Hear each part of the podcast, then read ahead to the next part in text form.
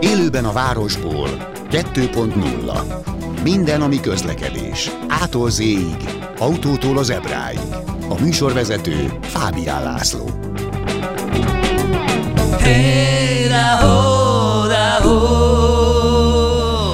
Jó napot kívánok, köszöntöm Önöket! Most egy különleges versenyről, egy autóversenyről lesz szó, de aki ezzel ember van oltva, az ne rohanjon el azonnal a rádiótól mert izgalmas lesz, illetve hát a szervezője már önmagában személyében garantálja az izgalmat, legalábbis az elmesélésben. Köszöntöm a stúdióban Szabó Gál Andrást, aki a Babakó, Budapest Babakó kitalálója, főszervezője, milyen még, anyja, apja? Ilyesmi alapítója, én is köszöntöm a hallgatókat, szia Laci, örülök, hogy itt lehetek. A, akinek ismerős az a hang, ő Villám Gézaként rádiózott annak idején, együtt rádióztunk még a szép emlékű Rádió Bridge-ben. Úgy bizony. Igen, az, nem, a rádiózás egyébként nem hiányzik neked? Vagy? Ö, néha szoktam rá gondolni, és egyébként most itt az utóbbi időben volt is róla szó, hogy esetleg valahogy visszatérjek, de uh-huh gondolkodom rajta. Csak az a baj, mindig, hogy azt mondják, hogy mi nem térsz vissza, mi nem térsz vissza. Ö, igazából lehetőség lenne rá, igazából a vágyam is megvan, és amikor elkezdek azon gondolkodni, hogy miért kéne, akkor arra nem tudok választ adni. Uh-huh. Ö, és és tökre élvezem, hogyha meghívnak egy rádióműsorba, meg itt lehetek, de hogyha minden héten le kéne ülni és csinálni valamit, és ugyanazt, akkor az már nem biztos, hogy annyira vonzó lenne számomra. Vagy minden nap reggel hattól. Igen. Igen. Te egy délutáni show című műsort csináltál. Még ezek a szép emlékű úgynevezett őrült telefonok még mindig pörögnek a neten, azért azt... Igen, a YouTube-on mindegyik megvan. Egyébként mikor, akkor, amikor azt csináltam, a délutáni sót, akkor a délutánt azt én nagyon élveztem. Uh-huh. És mhm. most, hogy már így öregszem, és föl tudok kelni minden probléma nélkül hatkor, most már azt mondanám, hogy egy reggeli műsort is be tudnék vállalni nem ráálltam egy ilyen egészségesebb alvási rendszerre a, uh-huh. a nyugvó nappal. Én is nyugszom, a kellővel én is kelek, és ez egy ilyen tök jó, egy ilyen, egy ilyen földműves mezőgazdász alvási rendszer. De mondjuk itt például pont a Bamakon erre szükség is van? A Bamakon abszolút, tehát ott ilyen 5-ös, 6-os ébredések uh-huh. vannak, 6-30-as, 7-es indulások, és az ott teljesen jó. De hát a Bamakon szerintem senkinek nincs problémája az alvással, ha csak nem valaki dübörögtet egy agregátort a sátrad mellett, mert ott mindenki annyira elfárad, meg annyira hosszúak a napok, hogy igazából a, amikor elindítod a fejed a párna felé, már a párnára érkezés előtt elalszol. a nemzetközi szervezetek például, az FIA, a, a Nemzetközi Autó Motorsport Szövetség mit mond a Bamakóra, vagy, vagy ő, hogy mondjam, tehát regisztrált ezt a versenyt, vagy azt mondják, jó, egy kis hóbortos verseny, ott a, a gyerekek ott el vannak, aztán ennyi. Már nem tudod, mi választja el, tudod, mi választja el az FIA-t a maffiától?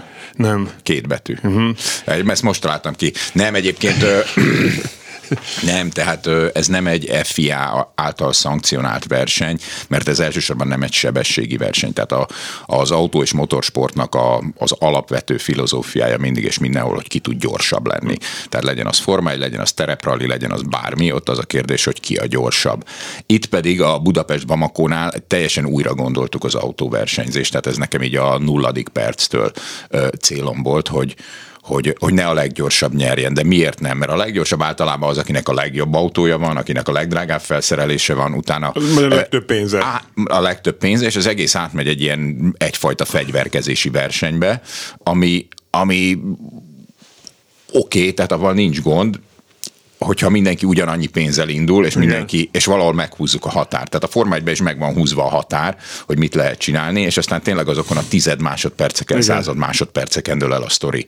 Itt pedig az volt az alapgondolat, hogy csináljunk egy olyan versenyt, ahol az számít, hogy ki mennyire találékony, ki mennyire kitartó, és ki mennyire tud navigálni és vezetni. Tehát ez egy pontgyűjtéses verseny a Budapestben. Akadályverseny magyarán. Hát akadályversenynek nem hívnám. Uh-huh. Ez egy tájékozódási, kitartási pontgyűjtő autóverseny.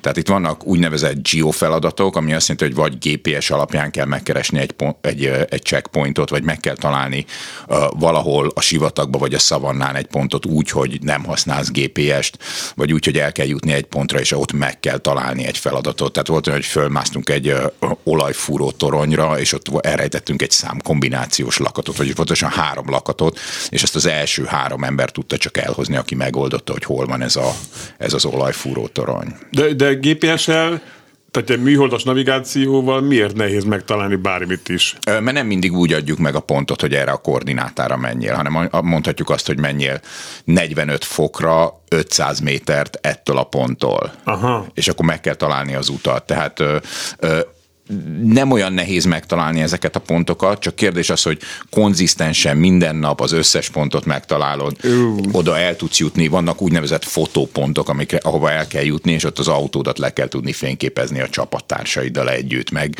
Tehát ilyen, ilyen mókásabb feladatok vannak, és, és amikor elromlik az autód, vagy sok defektet kapsz, akkor ez egy csomó pontot ki kell hagynod.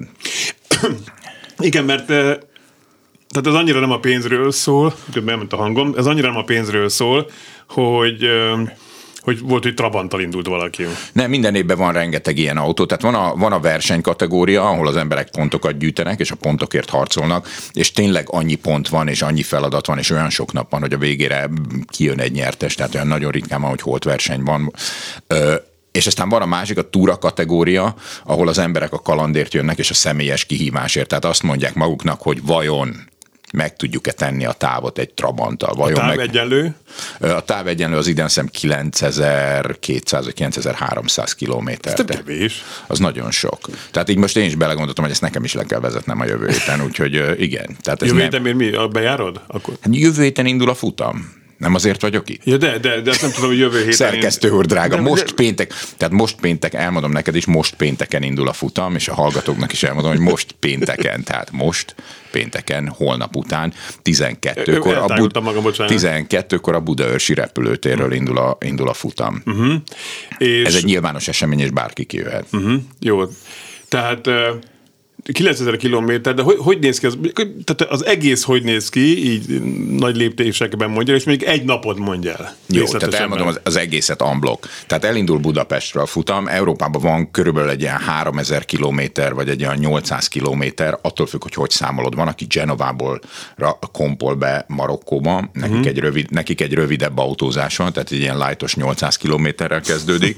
lightos 800 kilométerrel, majd egy kemény kétnapos alkoholizással egy alkoholizálással egy kompon Marokkó felé, vagy van, aki azt mondja, hogy ő meg akarja nézni Európát, és végig akar vezetni a földközi tenger körül, és akkor ők egészen lemennek Dél-Spanyolországig, uh-huh. és ott rakják be a, a, a verdát a hajóba, és átviszik Tangerbe.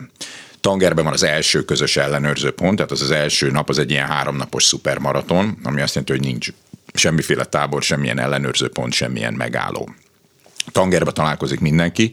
Nagyon sokan Nyugat-Európából jönnek, akik első jönnek Budapestre a rajtra, hanem azt mondják, hogy akkor ők egyből levezetnek mondjuk Belgiumból, vagy Franciaországból, uh-huh. vagy Angliából lejönnek egészen Tangerig. És az, akkor, az is szép azért mondjuk. Igen.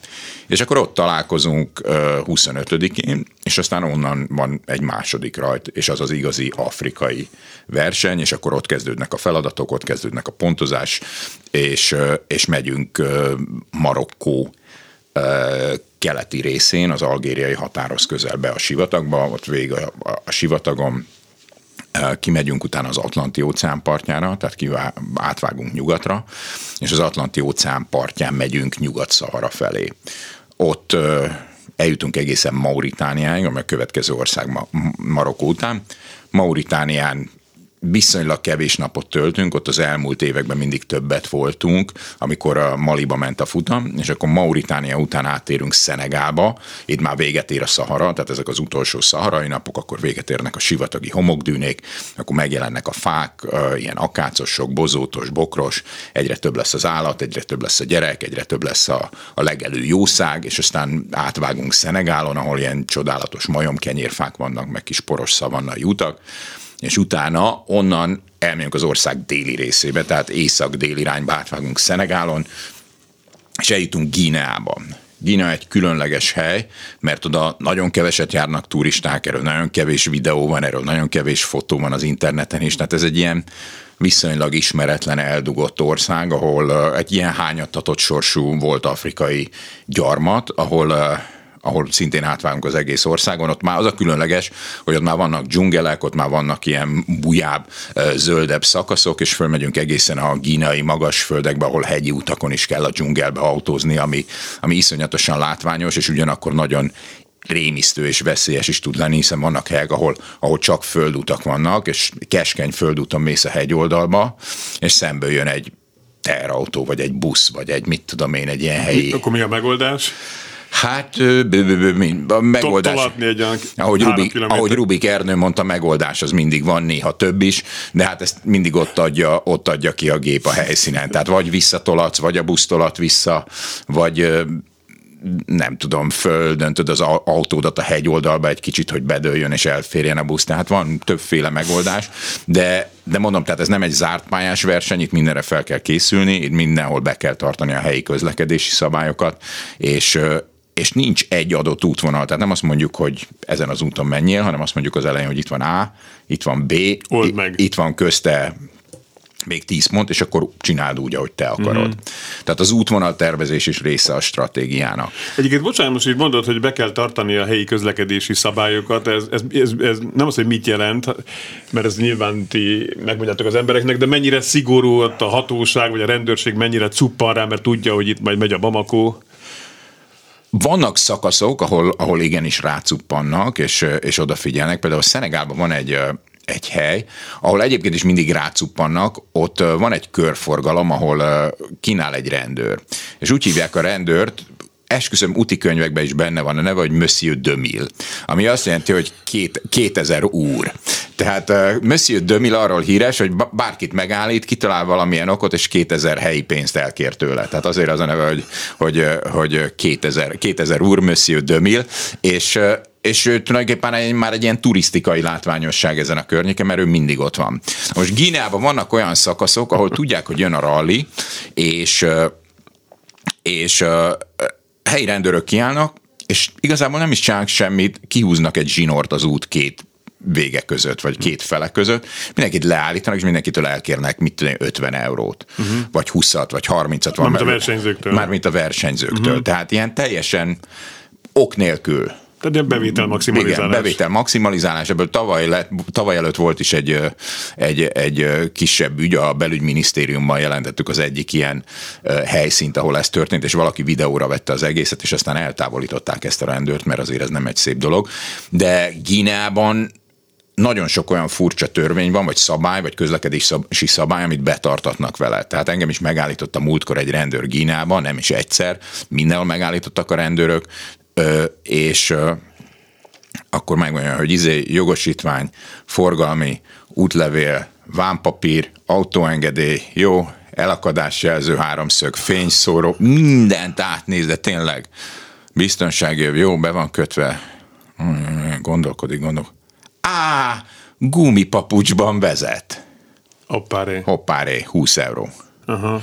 Tehát gumipapucsban nem szabad vezetni Gínába. De, de tényleg akkor már mindent átnézett, nem, lát, nem talált rajtam semmi gumipapucs. Mm, 20 euró. Igen, hát egyébként a következő az lett volna, hogy azt mondja, hogy nincs rajta sapka. Igen, Tehát igen, igen, 20 mondani. euró, és akkor vicces volt a sztori, mert gondolkodtam, hogy ez, és ez már a harmadik megállításom volt aznap. Tehát egy 100-200 eurót erre úgy el lehet pattintani. Hát én átjöttem úgy az országon, igen, hogy egy ilyen 100 eurót költöttem ilyen rendőri megállításokra, de a vicces az az volt, hogy próbáltam adni neki egy kis pénzt, próbáltam adni neki egy ötöst vagy egy tízest ilyen helyi pénzbe, és utána jött egy félórás előadás arról, hogy a, a, a korrupció az, az, a, az a társadalom rákja, uh-huh. és hogy én ne próbáljam meg őt korumpálni, mert hogy ez, ez bontja meg a társadalom felépítését, beszédét, és a és ezzel, Egyébként ezzel, igaz. ezzel, tehát egy ilyen, tényleg olyan volt, mint hogyha egy ilyen nemzetközi antikorrupciós uh, fórumon hallgatnék egy, egy előadást, uh, majd uh, szemrebenés nélkül eltette az öt euróst, és elengedett. Uh-huh.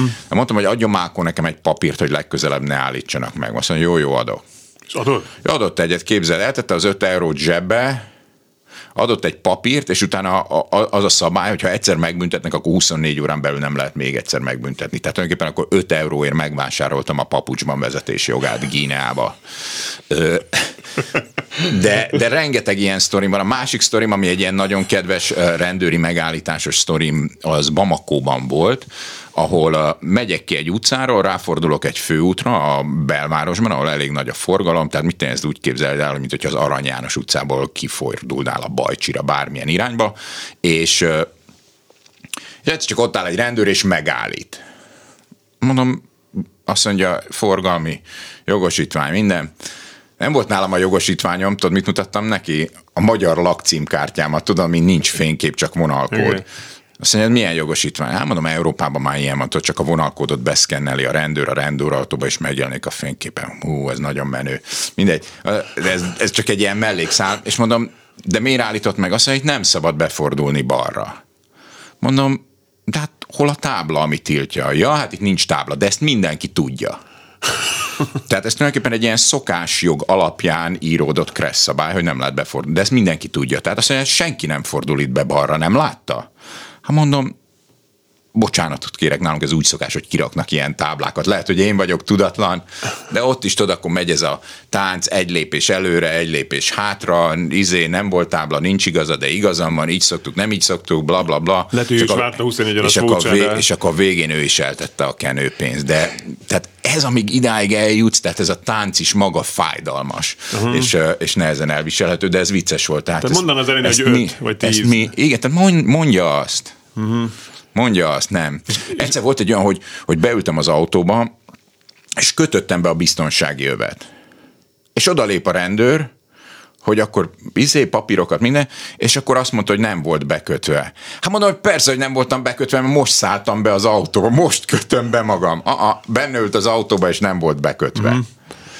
Uh, úgyhogy, uh, úgyhogy volt egy csomó ilyen érdekes sztori Afrikában, meg van is mindig, úgyhogy uh, én, én, tehát mindegy, mindig meg szoktam kérdezni, mennyit beszéljük meg, sietek. Hát az, tehát amikor azt mondod, hogy sietsz, és nincs időd, az, az, az egy szimfónia az ő fülüknek hiszen nekik miük van, semmiük nincs, csak rengeteg idejük. Tehát már nem egy olyan sztoriról hallottam, hogy valakit ott tartottak valahol napokig, mert tudták, hogy európai. Napokig. Napokig, képzeld el, tehát volt egy, egy angol nő, aki egy ilyen, egy ilyen egyszemélyes segélyszervezet, és neki annyi ilyen története volt, hogy mit én három-négy napot ült a vámon. Csak azért, mert azt várták, hogy megunja, és ad valami kenőpénzt, hogy elengedjék. Uh-huh. És ő meg azt mondta, hogy nem. Tehát, tehát ott, ott abban legyőzhetetlenek a, a, az afrikai karhatalmi szervek, hogy nekik rengeteg idejük van, és neked meg semmi. Úgyhogy, úgyhogy erre mindig oda kell figyelni. És mondom, rengeteg ilyen, ilyen, ilyen mókás rendőrös történet van. Mer, de merre mentek tovább aztán? És aztán folytatom, tehát Gínán átmegyünk, ahol általában ezek az árrendőrök, vagy igazi rendőrök kiszoktak húzni egy zsinót. Ja, vagy egy tényleg lehet, hogy árrendőr is van köztük. Persze, tehát most szerzel egy sapkát, meg mit tudom én, egy ilyen rendőringet a, a barátottól, és akkor kiállsz egy zsinórral az úthoz. És az ország GDP-nek az egynegyedét be, berántod egy éjszaka alatt, mikor ott jön el a Bamako. Egyébként most már hál' Istennek egyre kevesebb ilyen sztori van, mert most már föntről azért mindig leszólnak, meg a, meg mert a rendőr... ez nekik csak jó, könyörgöm, nem? mert az országilag... Figyelj, tehát erről is van rengeteg történetem, hogy nekik csak jó és aztán mégiscsak az a jó, amikor elteszik a készpénzt. Uh-huh. Tehát volt egy olyan sztori, hogy Maliba vittünk malária hálókat, ami tulajdonképpen gyerekéleteket mentett, és levittünk 2000 ilyen hálót, ami azért elég sok. Tehát az nem 2000 gyerek életét menti meg, hanem hogyha azt átadják családon belül, akkor az jóval több gyerek, meg generációkon keresztül, mindegy, stb. Szóval azt mondtam, a, amikor a rally engedélyünket kértük, hogy, hogy jöjjön ki a belügyminiszter, vagy az egészségügyi miniszter, és adja át ő ezeket a, a malária hálókat a, a, a helyi falusiaknak, és jöjjön ki a tévé, és akkor ebből iszonyatosan jó politikai tőkét lehet kovácsolni, és, és az párton belül is tök jól néz ki. Ah, nem érdekel, a pénzt kérik. Tehát Viszonylag rövid távú gondolkodás. Na, rö, nagyon rövid távú gondolkodás, mm. igen. De nélkülöznek ott nagyon egyébként az emberek? Vagy te mit hát én ezt a nélkülözés szót, ezt annyira nem szeretem, mert, mm. mert ez egy, mert ez, ez nagyon a mi fogyasztói társadalmunkból nézve uh-huh. van ez a, ez a nélkülözés sztori, és a, a mi gazdaságunkból és a mi gazdagságunkból kiindulva van ez a sztori. Egyszerűbben élnek, sok minden hiányzik az ő életükből is, de, de nem ez az elsődleges, amit észre kell venni, és nem ez az elsődleges, ami szembetűnő. Ami, az elsődleges, ami szembetűnő, hogy, hogy sokkal boldogabbnak és nyugodtabbnak néznek ki az, ember, néznek ki az emberek, mint, mint például nálunk. Tehát azok az alapvető fogyasztási javak, amik itt megvannak, amihez hozzá vagyunk szokva, igen, azokból jóval kevesebb van boldogtalanabbak ezáltal az emberek? Hát ezt nem lehet így megmondani uh-huh. elsőre. Úgyhogy, úgyhogy én ezt a szót nem is nagyon szeretem. Uh-huh. vannak nehézségek, vannak olyan szituációk, ahol tudod, hogy, hogy segítségre van szükség, tehát tudod, hogy vannak olyan családok, akik nem tudják rendszeresen iskolába küldeni a gyereket, mert még a cipőt ki tudják fizetni, meg a, meg a, a tandíjat, ha van, ha meg nem, akkor ingyenes iskolába járnak, de már egy füzetet vagy egy tollat nem tudnak venni a gyereknek amit látsz Afrikában, hogy, hogy a ruhákat, meg a, a játékokat, meg mindenféle használati tárgyat azért, azért cirkulálják a családon belül, és ugyanaz a ruha, az, az mit tudom én, jó pár gyereken keresztül megy, és elhordják. De uh-huh. egészen addig, amíg, amíg lehet. Lehetne a gyereken egy sokkal jobb, szebb, modernebb focimez, abszolút. Ja, de, de, ott nem mérvóra, értem. Aha.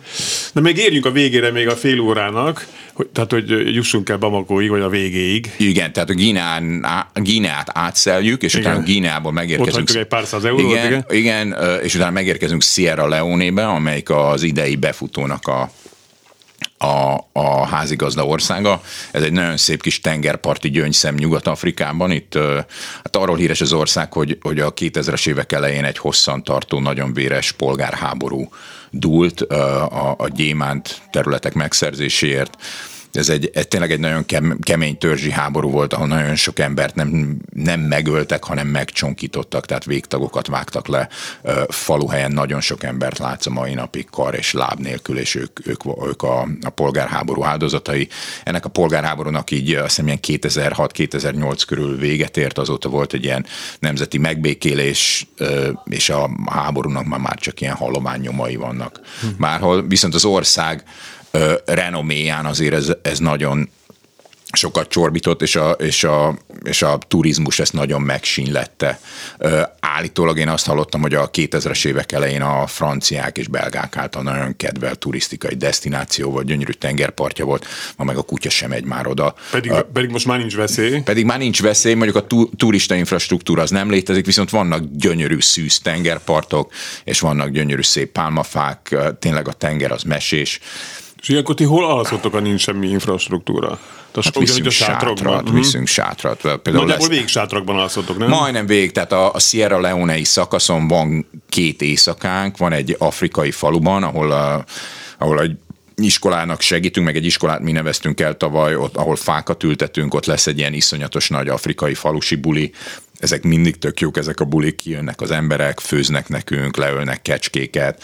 Uh, tényleg nagyon-nagyon jó a hangulat, kijönnek ilyen helyi árusok, hoznak üdítőket, hideg vizet, szendvicseket, és kijönnek a zenészek, buli van, DJ, összes, a falu és a környék összes létező hangfalát kihozzák, és akkor ugyanúgy táncolnak együtt a magyarok, az angolok és a helyiek, úgyhogy itt mondom, tehát egy ilyen, egy ilyen mini fesztivál feelingje van egy ilyen afrikai falu szélén, ahol, ahol úgy magától nem is lenne elektromos áram. Tehát ott van egy ilyen falusi parti, az az első éjszaka Sierra leone és a második második éjszaka pedig egy beach partink van, ami, ami tényleg egy ilyen gyönyörű pálmafás, kókuszdiós tengerparton Képeslap. van. Tényleg egy ilyen képeslapszerű ö, tengerpart szakasz, ahol én voltam egy, mikor két év, amikor ott voltam, leültem egy ilyen surfklubba, ahol lehetett szörfdeszkákat kölcsönözni, és mondtam, hogy kérhetek egy kókuszvizet, azt mondja, persze, persze, és srác fölmászott a fára.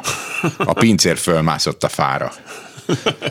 Elszánt volt. Jó, még azért van, van téma. Ja, persze, persze. Kö- Csak adásidőben hogy állunk? Jó, hát a felénél körülbelül. Úgy, ja, jó, tudom, kell megállni hírekre? Vagy de, de ja, most jó, pont okay. az történik, hogy Szabó Gál Andrással, a Budapest Babakó főszervezőjével, alias Villám Gézával hamarosan folytatjuk.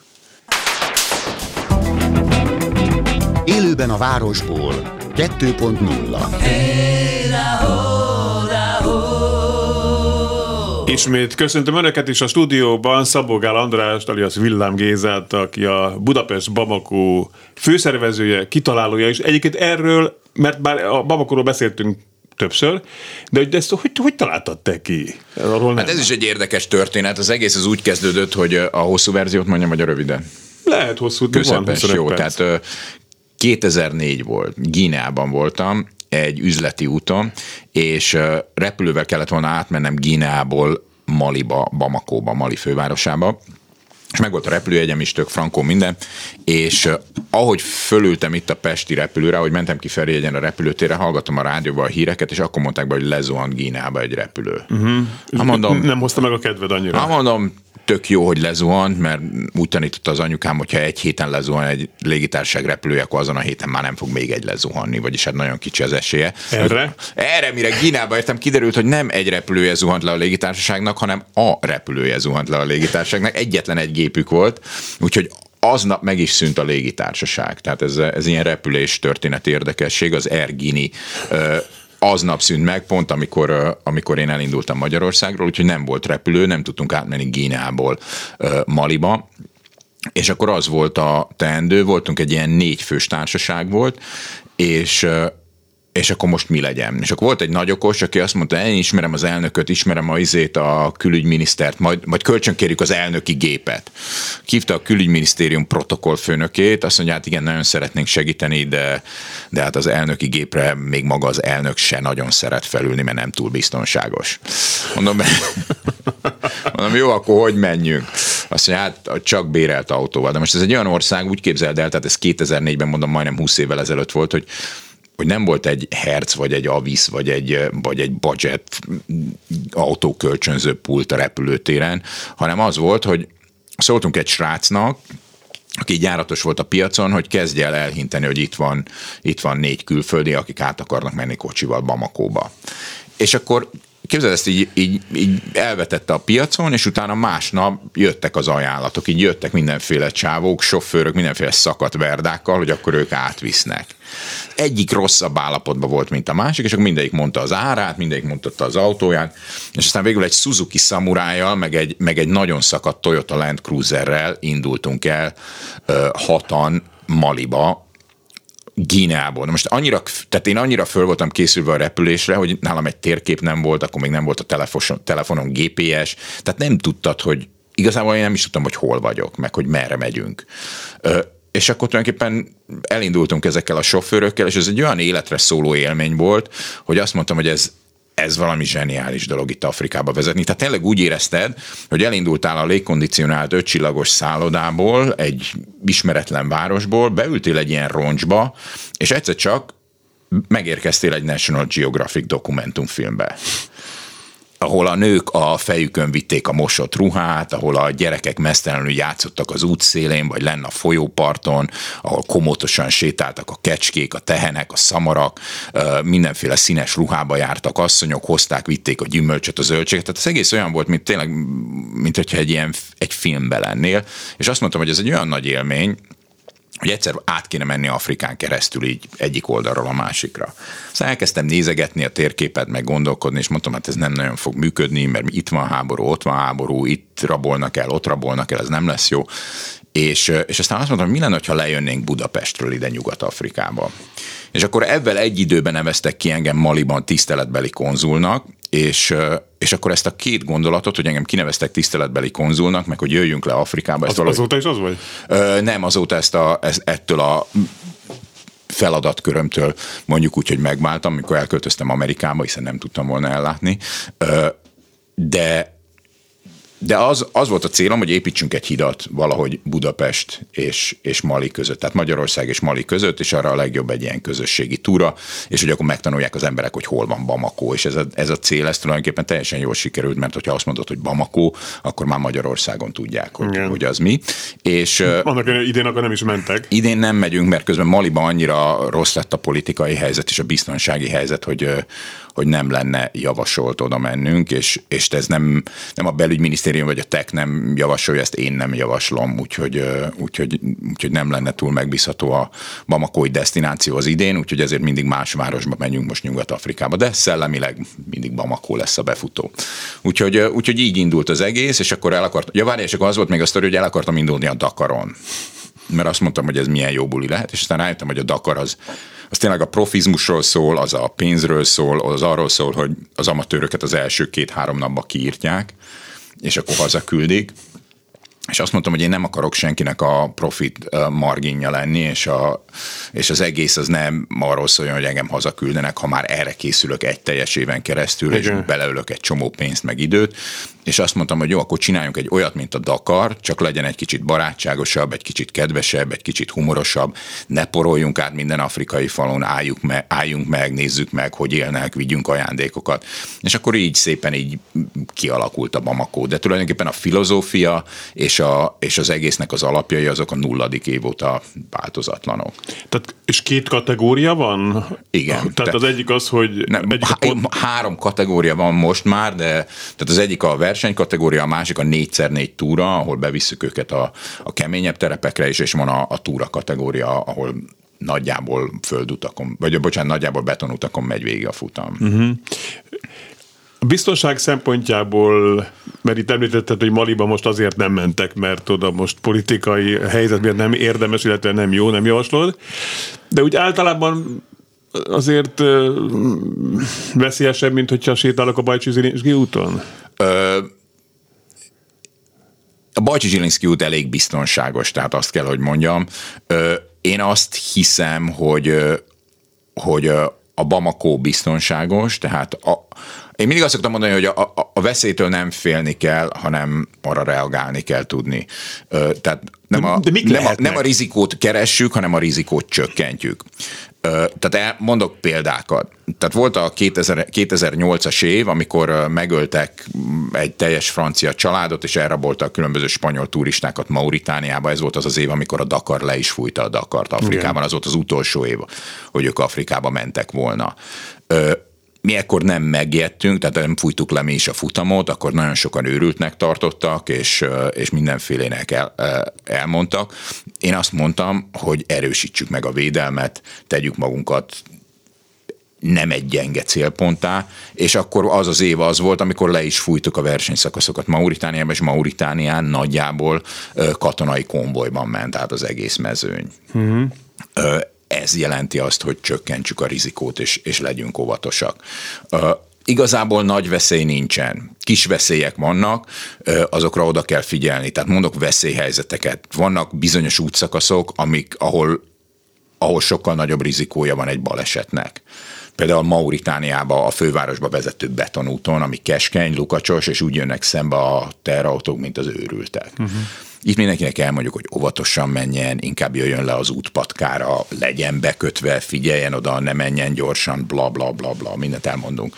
Sajnos itt történt egy súlyos baleset két-négy évvel ezelőtt, ugyanezen a szakaszon, és és ezen a szakaszon volt egy olyan az a baleset, ahol, ahol a, tulajdonképpen a sofőr hónapokkal később a futam után életét vesztette, de nem volt bekötve például. A mellette ülő utas karcolásokkal megúszta ugyanazt a balesetet. Mert be volt kötve. Mert be volt kötve. Úgyhogy, úgyhogy ilyen veszélyek, veszélyhelyzetek vannak a futamon. De csak valaki, valaki észnél van, én azt mondom, hogy ha valaki észnél van, odafigyel, volt egy másik haláleset is a Bamako után, tehát ez, ezt is elmesélem, mert ebből is okulni lehet. Nagyon szomorú sztori volt, egy, egy fiú, aki végigjött a futamon, hazajött, valami furcsa csípése volt, és, és rá egy pár napra a vérmérgezésben meghalt. Uh. Megcsípte egy pók, nem ment el orvoshoz, tehát az orvos azt mondta, hogy ha ezt kitisztítják akkor, és antibiotikummal kezelik, akkor ma is itt lenne köztünk ez a srác. Uh-huh volt egy másik uh, induló, aki... De, de ez megoldható lett volna ott?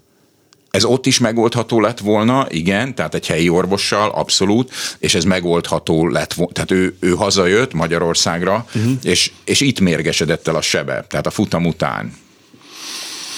De no comment akkor, nem? Igen, sajnos. tehát, tehát ö, volt egy másik srác, hát attól nagyon megjettünk. Volt velünk egy, egy, egy fiú, úgy hívták, hogy Pityú, Pityú a törpe, aki a világ legalacsonyabb embere volt. Saját elmondása szerint a Guinness soha nem hitelesítette. 57 centi volt, ő egy kis ember volt, és cirkuszi artista volt. És ő elmondta, hogy ő sokat dolgozott kígyókkal a cirkuszban, és meglátott a Mauritániában a szavannán egy kígyót, és én sokat dolgoztam kígyókkal, én nem félek tőlük, és egy kalapáccsal elkezdte verni a kígyót, és a kígyó megmarta. Mm. Tehát most erre is valószínűleg azt mondom, hogy no comment, tehát Igen. ott álltunk, a szavannán egy tök ismeretlen óriás kígyó megmart egy 56 cm-es embert, aki tulajdonképpen akkora, mint egy csecsemő, és akkor most mi van? Tehát készült róla egy film is, meg néhány kép is. A képet telefonon átküldtük egy mérges kígyó szakértőnek Budapestre, tehát az orvosi csapatunk megkapta a képet, mert egyből az orvosi csapatot hívták, hogy ilyenkor mi a teendő. Az orvosi csapat átküldte a képet Budapestre egy mérges kígyó szakértőnek, aki azt mondta, hogy hát eléggé rossz minőségű a kép, nem tudja megállapítani, de azt el tudja mondani, hogy a világnak ebben a térségében 38 kígyófajta él, amiből háromnak a mérge halálos. Tehát tulajdonképpen 38 a háromhoz volt Igen. az esélye, hogy ő nem fogja túlélni. Szóval mindegy. És, túlélte? És túlélte, tehát, tehát statisztikailag jó esélyei voltak a túlélésre. És be is de, jött. És be is jött, tehát túlélte. Tehát mondom, nagyon sok meleg helyzet van, nagyon sok veszélyes helyzet van, de nagyon sokszor hülyék vagyunk. Tehát uh-huh. azt kell, hogy mondjam, aki odafigyel az instrukciókra, annak valószínű, hogy nem történik semmi baj, tehát nem, ezt nem lehet garantálni, de, de azért odafigyelünk, a biztonságra odafigyelünk, az orvosi ellátásra odafigyelünk, úgyhogy ezek, ezek kulcsfontosságú kérdések mindig a Budapest Bamako egy napot beszéljünk át, hogy reggeltől estig hogy néz ki. Tehát mondtad, hogy korán keltek. Tehát mindegyik nap máshogy néz ki, mert minden nap Mond, máshogy néz ki. Madárcsicsergésre, de inkább kígyó sziszegésre. Nem, nincsenek nem? kígyók, nincsenek kígyók, nincsenek skorpiók, ezek ilyen, ilyen sztereotipikus szahara parák. Én megmondom neked, én azt hiszem a 17-szer keltem már át a szaharán az elmúlt mit 20 évben, és Skorpiót egyetlen egyszer láttam. Tőle? Aha, és úgy lát, akkor is úgy láttam, hogy gyere ide, nézd, nézd ide, nézd, Skorpió! Uh-huh. Tehát így, tehát nem az, hogy ó, nem az ó mi ez a, ki ez a cipőmben, ki lakik a cipőcskémben, tehát nem az volt, hanem valaki azt mondta, hogy itt egy skorpió, és akkor lát, kígyót nem láttam egyszer sem. Tehát kígyót csak videón láttam. Szóval úgy néz ki egy nap, mondjuk vegyünk egy ilyen tipikus sivatagi napot, egy mauritán napot, reggel korán kelünk, napfelkeltével, hétkor, akkor van egy eligazítás, az eligazításon kiosztjuk az... Bocsánat, meg, ne, ne, állj. Tehát nyilván a felkelés és az eligazítás között van egy nagyon fontos esemény, amit, amit hívhatunk méregtelenítésnek is, igen, vagy igen, igen, igen, tehát igen. A, a szükségnek, az, az hogy oldjuk meg? Ez egy annyira érdekes kérdés, és ez mindenki felteszi nekem, úgyhogy most már elkezdtem komolyan gondolkodni egy olyan könyvön, amit ki fogok adni jövőre, hogy hogyan végezzük el a dolgunkat a szabadban. És ezt tényleg meg fogom írni, és ki fogom adni jövőre, mert ez egy annyira olyan szorongást okozó kérdés sok embernek, és mindenki erre kíváncsi, és Na mindegy, szóval ezt meg fogom írni ezt a könyvet. Tehát fölkelsz, és mindenki elvégzi a dolgát a lányok kicsit messzebb mennek, a fiúk közelebb mennek, vagy keresel egy bokrot, keresel egy homokdűnét. De ilyen, ilyen sivatagi körülmények között a szél, vagy nem is a szél, hanem a, a semmi nem viszi jobban a hangot? Tehát, hogyha hiába mész 200 méter egy, egy pukkantás adott nem, esetben? Nem, nem, nem. Tehát jó. azért nincs, nincs ilyen, ilyen síri csend, tehát nem, tehát ezzel, ezzel nincs gond. Mindenki el tudja végezni, olyan még nem volt, hogy valaki székrekedésben meghalt volna. úgyhogy, úgyhogy el, el lehet végezni a dolgodat, jó. És van rengeteg hely, tehát iszonyatosan sok hely van, hogyha egy picit, tehát ez egy ilyen reggeli meditálással is felér, hogy kisétálsz, még elmész egy kilométert, és ott találsz egy fát vagy egy bokrot, és elbújsz a bokor mögé. A sivatagban nagyon szépen lehet lukakat ásni, úgyhogy, úgyhogy mindenki el tudja végezni a dolgát. Aki meg már eleve szorong, az ne jöjjön ilyen túrára, én azt mondom, de egyébként mindenki megtanulja. Egyébként vicces sztori, mikor lányokkal utazom, tehát volt, volt több olyan év, amikor vagy, vagy asszisztens lány jött, vagy asszisztens, akinek volt még barátnője, vagy mit tenni, tehát volt, mentünk már egy többesbe lányokkal, és akkor az e, álljunk meg, álljunk meg, pisilni kell. Oké, okay, jó, elmennek első nap egy kilométert a kocsitól várunk, várunk. Második nap elmennek egy olyan 500 métert, harmadik nap elmennek egy olyan 200 métert, negyedik nap már könyörögni kell, hogy léci ne pisiljétek le a kocsi kerekét. Jó, igen, tehát hogy mondjam...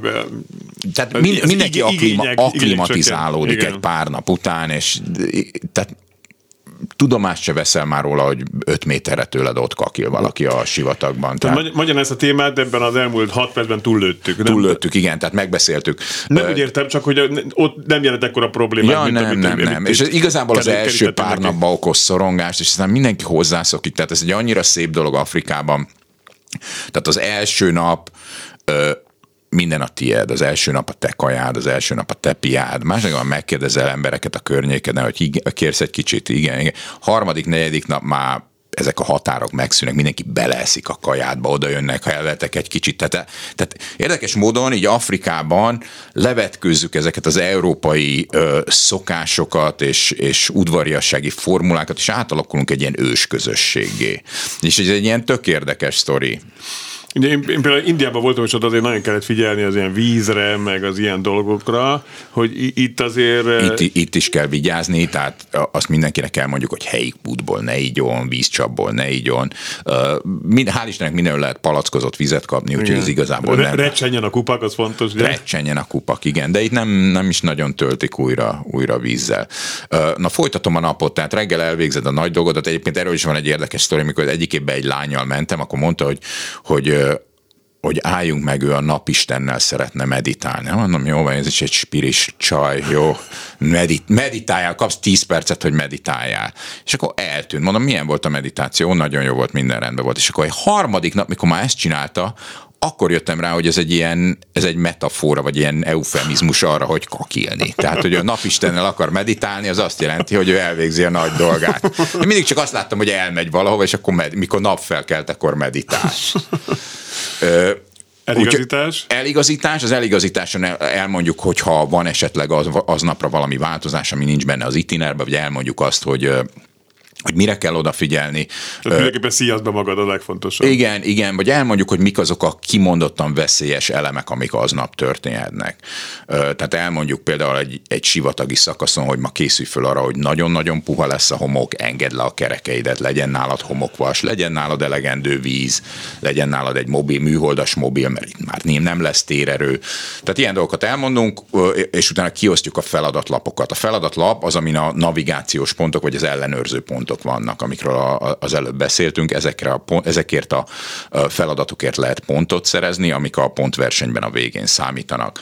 Odaadjuk a lapokat, és akkor elindul a versenykategória, a túra kategória az egy picit lassabb, akkor összeszedelőcködnek, összerakják a sátrat, mindenki elkezd kávét főzni, teát főzni, beindulnak a kis gáztűzhelyek, és aztán szépen lassan elindul mindenki, és vezet, vezet, vezet használják a navigációs eszközöket, használják a papírtérképet, a, az okosabbja, intelligensebbje átolvassa az itinert, és megnézi, hogy milyen látványosságok vannak aznap, hogy hol érdemes megállni, hol érdemes megállni, ebédelni, és a túra kategória akkor szépen elindul, és akkor megállnak azokon a helyeken nemzeti parkban, vagy ahol állatokat lehet látni, vagy ahol van valami érdekesebb épület, vagy valami érdekesebb kulturális helyszín, akkor ők ott szépen megállnak, fényképeznek, csilleznek, élvezik az életet, szívják az impulzusokat, és, és, és szépen halad a futam, eközben a versenykategória résztvevői pedig továbbra is gyűjtik szépen a pontokat, és mennek ellenőrző pontról ellenőrző pontról. A, a futam szervezői meg megpróbálnak lehetőleg minél hamarabb odaérni a következő táborhelyre. És akkor este van egy táborhely, oda megérkezünk, és akkor ott elkezdünk tábort verni. Az azt jelenti, hogy megérkeznek a, megérkezik a mentőcsapat tagjai, akkor ott föláll tulajdonképpen egy ilyen mozgó orvosi rendelő, föláll, megérkezik a versenybíró autó, ez egy, ez egy másik terepjáró, amiben vannak mindenféle ilyen versenyelbíráló szerkezetek, meg wifi, meg leolvassa a trackeredet, tudja, hogy hol voltál, mikor, hány kilométerrel mente, mentél. Egyébként biztonsági okból azt is meg tudjuk nézni, hogy mikor mentél át falun nem megengedett sebességgel, és ezért büntető pontokat osztunk ki. Tehát akkor meg elkezdődik ez a délutáni rutin. Az mm. emberek elkezdenek vacsorát főzni, elkezdenek tábortüzet rakni, elkezdenek haverkodni, elkezdenek iszogatni, tehát az este az mindig egy ilyen, ilyen kényelmesebb, lájtosabb, csillesebb De te nem mindig nyugszol meg, mert valaki nem futott be. Nem? Én nem, tehát a, igazából akkor szoktam nyugtalan lenni, amikor, amikor valakiről tudom, hogy ott kéne lennie, nem tudom hol van, és nem tudom elérni nem ellenőrzünk minden autót, nem ellenőrzünk minden csapatot, hogy hol van. Hát tehát ez nem, lesztek idén, vagy mi? Igen, tehát ez nem ez is rengeteg. lehet. Ez nem is lehet, és nem is kell, és nem is írjuk elő, hogy be kell érni a táborba. Hmm. Tehát mindenki azt csinál, amit akar, mindenki oda megy, ahova akar, és ezek az esti bulik, ezek mindig nagyon jók és nagyon hangulatosak. Tehát mindenkit arra próbálunk ösztönözni, hogy hozzon tűzifát, csináljon saját tábortüzet, mindig, mindig próbáljon résztvevő és alkotó eleme lenni a közöns, közösségnek, és ne azt várja el, hogy mi csináljunk valamit. És akkor ezek a tábortüzek mindig nagyon barátságosak, nagyon kedvesek, és ezek általában egy országonként vagy népenként szoktak összejönni az emberek, az észtek az észtekkel buliznak, a, mit a, a, a szegediek a szegediekkel, de vannak ilyen átfedések, meg átfedő barátságok, tehát mit én, skótok lengyelekkel, és akkor mit én, nagyon keményen elkezdenek viszkizni és vodkázni. Végre a szót tüdőrében ismerkedési ilyes nincs. De, de, de az, az csütörtökön lesz, csütörtökön lesz. A, és van egy ilyen díjunk is, hogy a népek barátsága díj, azt egy olyan, az egy külön díj, azt egy olyan csapatnak adjuk, aki áttöri ezeket a, ezeket a, a nemzeti és törzsi határokat, és mindenkivel Ez barátkozik. A szegedi törzsből kitör esetleg. A szegedi törzsből, amit én, a, a, az edinboróikkal, edinboróiakkal haverkodik. Ahogy mondtad korábban, vittetek malária hálót, amely nagyon sok gyereknek biztonságot adott a évtizedekre akár. Idén mit visztek? Mert mindig visztek valamit, volt, hogy fú, valami lélegeztetőt vittetek? Igen, vittünk inkubátort is. Igen. Mindig viszünk valamit, mindig van valami jótékonysági vetülete is a Budapest Vamakónak, ez is egy ilyen alapfilozófiai kérdés a, a rallin. Az idei, minden csapat visz valamit, minden csapat ott megpróbálunk arra rávenni, hogy vigyen ajándékot, és az itiner tele van olyan helyekkel, minden országban egy-egy iskola, árvaház, vagy valamiféle intézmény, aminek lehet adományokat vinni és adományokat átadni. Ez minden csapat saját lelkiismeretére van bízva, hogy mit szeretne vinni, mi megmondjuk, hogy hova érdemes. Vannak csapatok, akik ilyen fiatal vállalkozóknak segítenek Sierra Leone-be, például komputereket visznek, mobiltelefonokat visznek. Van egy csimpánz rezervátum, vagy egy csimpánz árvaház, amelyik csimpánzokat ment meg, amelyeket a piacon próbálnak eladni húsként. Uh-huh. Sierra Leone-ba, de a kiemelt karitatív feladatunk az idén az lesz, hogy van egy iskola Sierra Leone-ben, amit már eddig is támogattunk, ebben az iskolában föl fogunk szerelni napelemeket a tetőre, hogy lehessen komputereket használni, és azok a laptopok, amiket oda leviszünk, azokat be tudják kapcsolni, vagy föl tudják tölteni, és legyen némi világítás az iskolában, tehát eddig semmiféle elektromos áram nem volt és ugyanebben a faluban el fogunk ültetni 2000 fát, amit tulajdonképpen a rally széndiokszid kibocsátását kéne, hogy ellensúlyozza, valamint a helyieknek biztosít megélhetést, vagy be valamiféle bevételi forrást a pár év múlva, amikor ezek elkezdenek gyümölcsöt hozni. Úgyhogy ezek szerintem ilyen jó pofa projektek, én ezeket szeretem. Most már nem annyira arra koncentrálunk, hogy mit viszünk el Magyarországról, tehát elég a, az elhasznált plüsmackókból és a, a használt ruhákból felesleges ezeket szállítani, meg erre még benzinpénzt kiadni, hogy ezt innen elvigyük oda. Olyan projekteket keresünk, amik hosszú távúak, fenntarthatóak, és tényleg segítenek a helyieken valamilyen formában. Tehát nagyon tök jó és tök furcsa dolgokat is csináltunk már az elmúlt években. Volt egy év, amikor a, a, a lányok megcsonkítása ellen, a, a lány körülmetélés ellen kampányoltunk, és akkor egy helyi ilyen körülmetélő asszonyt elküldtünk fazekas tanfolyamra, hogy legyen más mesterséges, ne a lányokat vagdossa. Uh-huh. Úgyhogy, úgyhogy minden évben vannak ilyen projektjeink. Tehát akkor most indul a Bamako. Ugye én az én műsor elején belezavarodtam, tehát, most azért később, mert COVID, a COVID, COVID volt, mi? igen, januárban nem tudtunk indulni COVID miatt, ezért tettük át októberre, gondolván, hogy akkor most itt egy ilyen COVID hullám lesz. Hánytól hány éves korig javaslod? Hát 14 éves kor fölött, tehát 14 mhm. éves kor alatt ne öljenek, orvosaink vannak, gyerekorvos nincs a futammal, úgyhogy az szerintem egyébként se lenne jó egy gyereknek ez a túra. Tehát aki szeretne kijönni a rajtra, az most pénteken lesz a Budaörsi repülőtéren, aki pedig otthonról szeretné nézni, az a Facebook csatornánkon tudja nézni, facebook.com per Budapest Bamako, vagy a vezes.hu nevű portálon lehet nézni, élőben közvetítik. Nagyon szépen köszönöm a, a Én köszönöm a lehetőséget, hogy itt lehettem. Villám Gézának, alias Szabó Gál Andrásnak 9000 kilométert vezetsz, akkor te is ahhoz meg sok sikert kívánok. Önöknek köszönöm, köszönöm a figyelmet.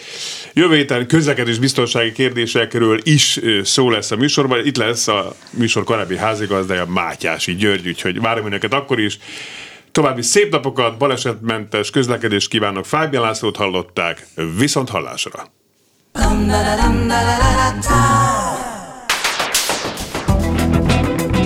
Élőben a városból 2.0 minden, ami közlekedés. Ától z autótól az ebráig. Hey,